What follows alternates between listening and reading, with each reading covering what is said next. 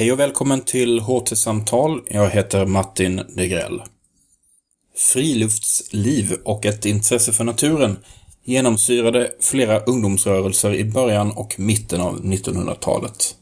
Men vilka idéer låg bakom denna rekorderliga medborgarfostran? I den här inspelningen från Bokmässan 2018 pratar Evelina Stenbeck med historikern Björn Lundberg om scoutrörelsen och Unga Örnar. Hej och välkomna till eh, Lunds universitets monter.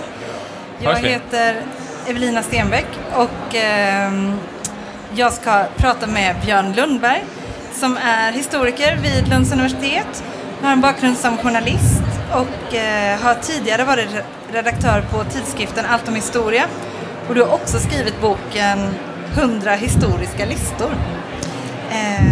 Vi ska prata om din avhandling Naturliga medborgare Friluftsliv och medborgarfostran i scoutrörelsen och Unga Örnar 1925 till 1960.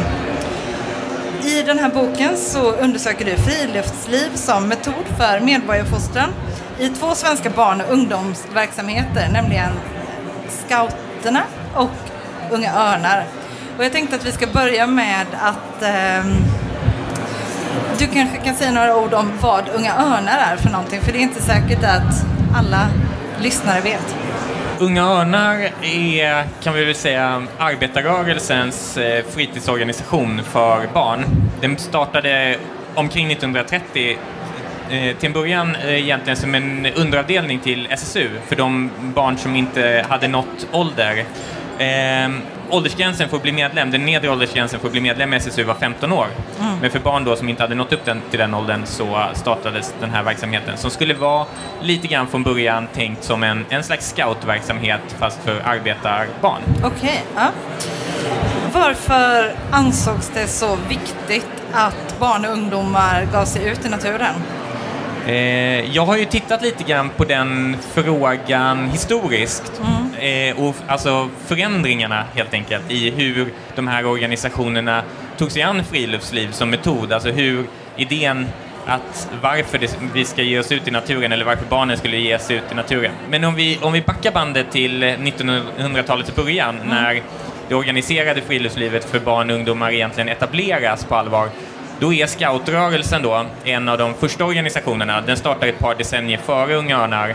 Och det uppstår i den här, i en, vad ska jag säga, samhällsanda som är präglad ganska mycket av eh, nationalism och eh, där friluftslivet är kopplat till att man ska lära känna sitt land, man ska bli en, Alltså, man ska fostras in i en slags svenskhet genom att bekanta sig mm. med den svenska naturen. Ah. Så därifrån, tillsammans då Eh, förstås med ideal kring eh, hälsa och, och, komma ut i frisk luft och så. Men det finns också då just den här, det här idealet att eh, lära känna sitt land och lära sig älska sitt land. Mm. Lära känna sitt land som att lära känna naturen ja. och alltså, djurlivet och så. Det här är ju en period av ganska intensiv industrialisering mm. och eh, i och med att många människor flyttar till städerna så, så finns det liksom en oro inte minst inom borgerliga kretsar, att eh, de här nya stadsinvånarna inte ska ha samma förhållande till hembygden ah. som eh, man hade haft i det gamla bondesamhället. Och då uppstår den här friluftsrörelsen delvis som ett sätt att motverka den här, det här stadslivet, vad ska jag säga, rotlöshet. Mm. Och inte minst då för barn så tänker man sig att i, i det gamla samhället att, i, att liksom, vad ska jag säga, den svenska eh, folksjälen eller vad ska jag säga, hade liksom formats i relation till naturen och de fysis, det fysiska landskapet mm. och att man därför behövde återknyta till det för att eh, eh, helt enkelt inte gå, gå miste om den här liksom, idén om, om svenskhet eller vad jag ska säga. Vad skulle man, eh, vad, vad skulle man göra av den eh, kunskapen om svenskheten Ja, eh, hur ska vi säga, eller nu, nu får du... Eh, alltså jag tänker, eh, du skriver en hel del om eh, medborgarfostran. Mm. Eh, vad innebär det? Alltså, ja. hur fostrar man en medborgare i naturen? Jo, men då, eh, den, den delen av, av den tidiga scoutrörelsen mm. och den tidiga 1900-talets idé om medborgarfostran, det, det handlade ganska mycket och, eh, om eh, den här idén om att en god medborgare måste vara fosterlandsvän liksom, mm. och lära, liksom, älska sitt eh, fosterland. Men sen fanns det andra ideal också. Eh, scoutrörelsen kommer från Storbritannien mm. och där, där finns liksom, med scoutrörelsen så kommer den här idén om att en, en god medborgare till exempel är alltså präglas av driftighet och självverksamhet och, och alltså självtillit, skulle mm. vi kunna säga. Och, ja, och där eh, blir scoutrörelsens program en, en viktig del just att forma vad ska jag säga, aktiva medborgare och då ses friluftsliv som en viktig, att det fyller en viktig funktion för i naturen måste du så att säga vara aktiv hela ja. tiden eh, och reda dig själv på olika ja, sätt. Det. Mm. Kan inte bara sitta och vänta på att eh, maten ska bli lagad. Och Precis, och utan nej, fram med spritköket och så vidare. Och, och det, den delen förstärks under 1900-talet i takt med att den här nationalismen och den vurmen kring eh, liksom, fosterlandet tonas ner, mm. kan vi säga, gradvis under decennierna efter första världskriget. Ja. Fanns det några, nu har du talat om en, ehm, en ideologisk nivå, men fanns det några rent liksom, faktiska kunskaper som eh, också kopplades till medborgarfostran? Alltså jag tänk, när jag tänker på mm. scoutrörelsen, då tänker jag ju på att lära sig att liksom göra upp eld och... Eh... Ja, eh, absolut. Och eh, jag tror att de, de, här faktiska, praktiska kunskaperna var väldigt alltså de var kopplade på, ett, på ett ideologiskt plan just till den här idén mm. om den självverksamma medborgaren. Men eh, det som jag har tittat på det där genom, alltså jag har studerat det ganska mycket genom att titta på vad de här organisationerna faktiskt gjorde när de mm. bedrev friluftsliv. Mm. Eh, och då kan vi väl säga att det finns två huvudspår här som jag har undersökt. Den ena är vad ska jag säga, lägren och det är kanske ja. det som, som, som får allra störst utrymme i min avhandling. Men även det vi skulle kunna kalla för hike, ja, som är för övrigt är ett ord som scoutrörelsen är med och introducerar mm. på svenska, eller anglicism som scoutrörelsen tar med sig hajken och, och lägret skiljer sig ganska mycket åt i, i egentligen i de, även de idéhistoriska trådarna men, men även då hur de, hur de här verksamheterna idealen kring de här verksamheterna och vad de syftar till. Mm. Hajken är mer präglad enkelhet och just det här reda sig själv på ja. ett enkelt sätt. Medan lägret är väldigt mycket en social verksamhet, ja. alltså en kollektiv verksamhet. Och just en del av de här lägren är väldigt stora, mm. men oavsett om det är små läger eller stora läger så finns det vissa gemensamma ideal. Och ett sånt, om vi pratar om scoutrörelsen nu, eh, mm. så är ett av de eh, eh, starkaste idealen där, det är just det här att ett samhälle byggs aktivt och alla ska vara med och bygga samhället. Mm. Så det blir en ganska vardaglig kan vi säga, medborgarkunskap som är att det, ska bli uppenbart för scouten att alla behövs och alla behöver hjälpa till och alla har en del att fylla mm. och att det är liksom det är inte ett politiskt medborgarskap som Nej. vi kanske använder begreppet ofta idag, ja. utan det är mer egentligen kanske knutet till eh, en um, alltså föreningsliv, alltså kommer också ja. från den här, det finns en kyrklig aspekt eller en religiös aspekt, mm. så det är liksom församlingen och, och föreningarna och så som har, det, det, det idealet mm. där, där då alla ska helt enkelt vara med och hjälpa till och det ska synas och att alla behövs. Ja, så det är ett eh, medvetet medborgarskap, medvetandegjort medborgarskap. Ja, och det används, det finns väldigt många sådana metaforer som används i, i scoutsammanhang att just med lägret som en stad som byggs upp, mm. som ett stycke civilisation som mm. byggs upp tillfälligt i naturen mm. och som egentligen då speglar det här att att livet i, alltså lägerlivet ska egentligen vara en förberedelse för att kunna återvända som ja. samhällsmedborgare. Ja. Så att det handlar inte bara om att, att lämna så att säga, civilisationen utan det handlar väldigt mycket om att jag ska säga, skapa en plats där man kan iscensätta de ideal som man egentligen vill se i samhället. Just det. Gäller detta för både pojkar och flickor?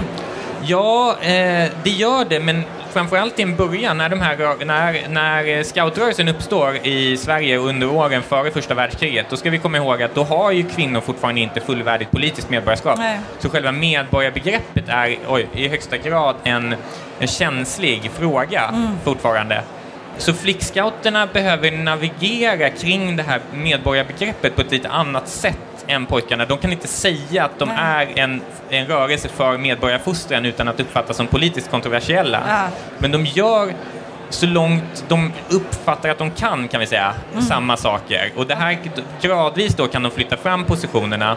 Men under 1910-talet, då uppfattas det som fortfarande ganska kontroversiellt att flickor ska sova i tält till exempel, mm. ute i naturen.